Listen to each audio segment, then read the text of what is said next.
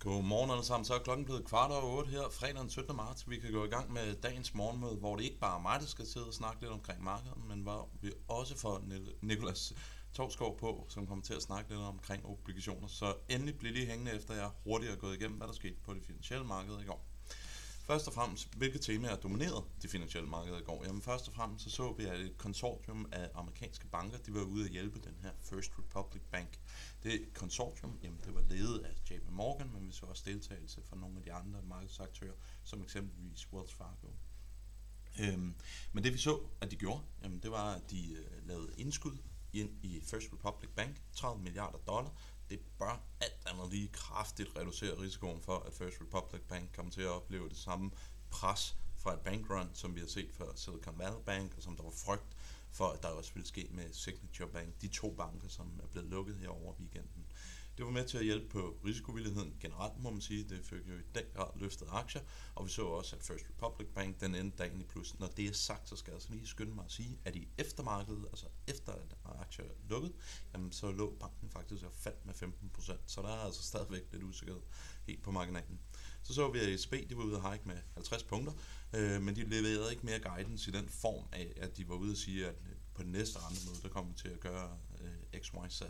Så nu bliver det lidt mere data dependent, og nu snakker jeg med obligationsfyrene her inde i Bankinvest. De var altså ude at sige, at det, her, det var muligvis det bedste rentemøde, som Lagarde hun har øh, præsideret over øh, i hendes tid som chef for ECB. Så det var altså et, øh, en renteforhøjelse med dovish tilt så så vi en meget kraftig cyklisk rotation på det finansielle marked. Vi så cykliske aktier i den grad outperformede de defensive aktier, og i særdeleshed så vi, at det er de store tech-navne i USA, som leder aktiemarkederne højere. Jeg kommer lidt tilbage til det senere, men det er altså Microsoft og det er Apple, som ligger og sætter år til dato highs i øjeblikket, og det er altså med til at trække, som sagt, de brede markeder frem. Så så vi, at fremstillingssektoren, den er stadigvæk under pres. Nu fik vi Philadelphia Fed her i går. Den var altså ikke på høje niveauer, og vi ligger faktisk på niveauer, som vi stort set kun har set under recession. Hopper vi til slide nummer 3, tekniske niveauer. S&P 500, den har oversteget de 200 dage glidende gennemsnit, så er det helt stor frygt for, at alle CTA-fondene de går ud og tvangssælger aktier. Det begynder næsten at vende. Fortsætter vi op på baggrund af en eller anden positiv øh, nyhed omkring banksektoren, enten i USA eller Europa, så kunne man godt forvente, at aktier kører højere, og så vender den her historie, så vil CTA-fonden altså være køber af aktier det er jo øh, nogle meget volatile dage, så, så det her billede, det ligger altså op og danser rundt på ja, stort set en daglig basis. Slide nummer 4, Factor performance for i går. Hvis man skulle købe de bedste aktier, så har man købt de cykliske aktier, man har købt growth aktier, så skulle man have det der så har der været defensive aktier, og det her low vol aktier. Så igen, det var et marked, som ligesom åndede lidt ud, efter vi så det her konsortium komme ind og reddede First Republic Bank, og det ledte altså til, at vi så den her cykliske rotation.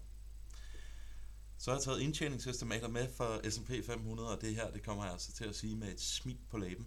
Men øh, vi begynder altså at se stabilisering i det. Den 9. marts, der havde vi et indtjeningsestimat for 2023 på 219 dollar. Det hedder nu 220 dollar. Så endelig, efter at vi stort set i øh, ja, tre kvartaler har set kontinuerlige nedrevideringer af indtjeningsestimaterne, så ser vi altså en stabilisering, og på marginalen faktisk en opgradering med 1 dollar.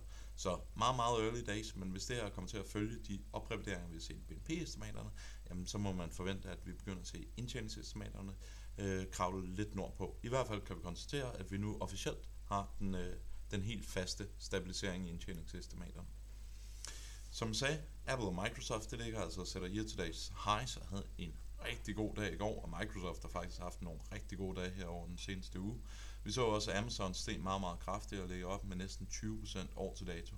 Så alle de her store amerikanske tech-aktier, de har i den grad været i stand til at outperforme S&P 500 over de seneste par dage. Lidt tanker omkring markederne fra et multi-asset perspektiv. Jamen først og fremmest, ECB, det blev nok et uh, non-event. Vi går og tænker meget over, hvad kommer der til at ske, hvis vi på mandag ikke har haft noget, der er gået i stykker, hvis der ikke er nogen andre banker, der er gået default jamen det må alt andet lige være positivt på risikovilligheden. Hvis vi så kommer to uger frem, og vi er kommet igennem to weekender, uden der er noget, der begynder at gå i stykker, jamen så tror jeg altså, at højere grad, at folk vil glemme det her chok, som jeg har set over den sidste weekend. Vi mener, at en overvægt af aktier og en øh, fornuftig allokering til lange obligationer, altså noget varighed, det er egentlig nok en meget god idé i takt med at presse på fedt. Det er i hvert fald reduceret lidt på marginalen, og der altså stadigvæk er den her risiko for, at noget går i stykker, og der vil lange obligationer altså være et godt hedge. Helt stor fokus, det er om Fed vil være dovish næste uge. Vi forventer i hvert fald ikke, at de vil være lige så hawkish, som man var på den tale, han holdt for en uge siden til kongressen. Og samlet set, så forsøger vi altså at holde en relativt lav tracking error, altså en relativ risiko, og har altså bare fokus på en strategisk allokering. Jeg mener i hvert fald ikke, det er det rigtige, at man går ud og sælger og råber stop, fordi man er bange for recessionen, når vi står sådan her vadested. Det kan stadigvæk gå begge veje. Markederne for morgenstund, vi får amerikansk forbrugertillid, vi får noget usikkerhed i takt med, at vi begynder i weekenden, det er jo der banker som oftest går det for. Vi får industriproduktion fra USA, Asien er i plus, og det helt store spørgsmål, det er, hvad momentumstrategier gør. Og med disse ord, Nikolas, tager du øh, over præsentationen?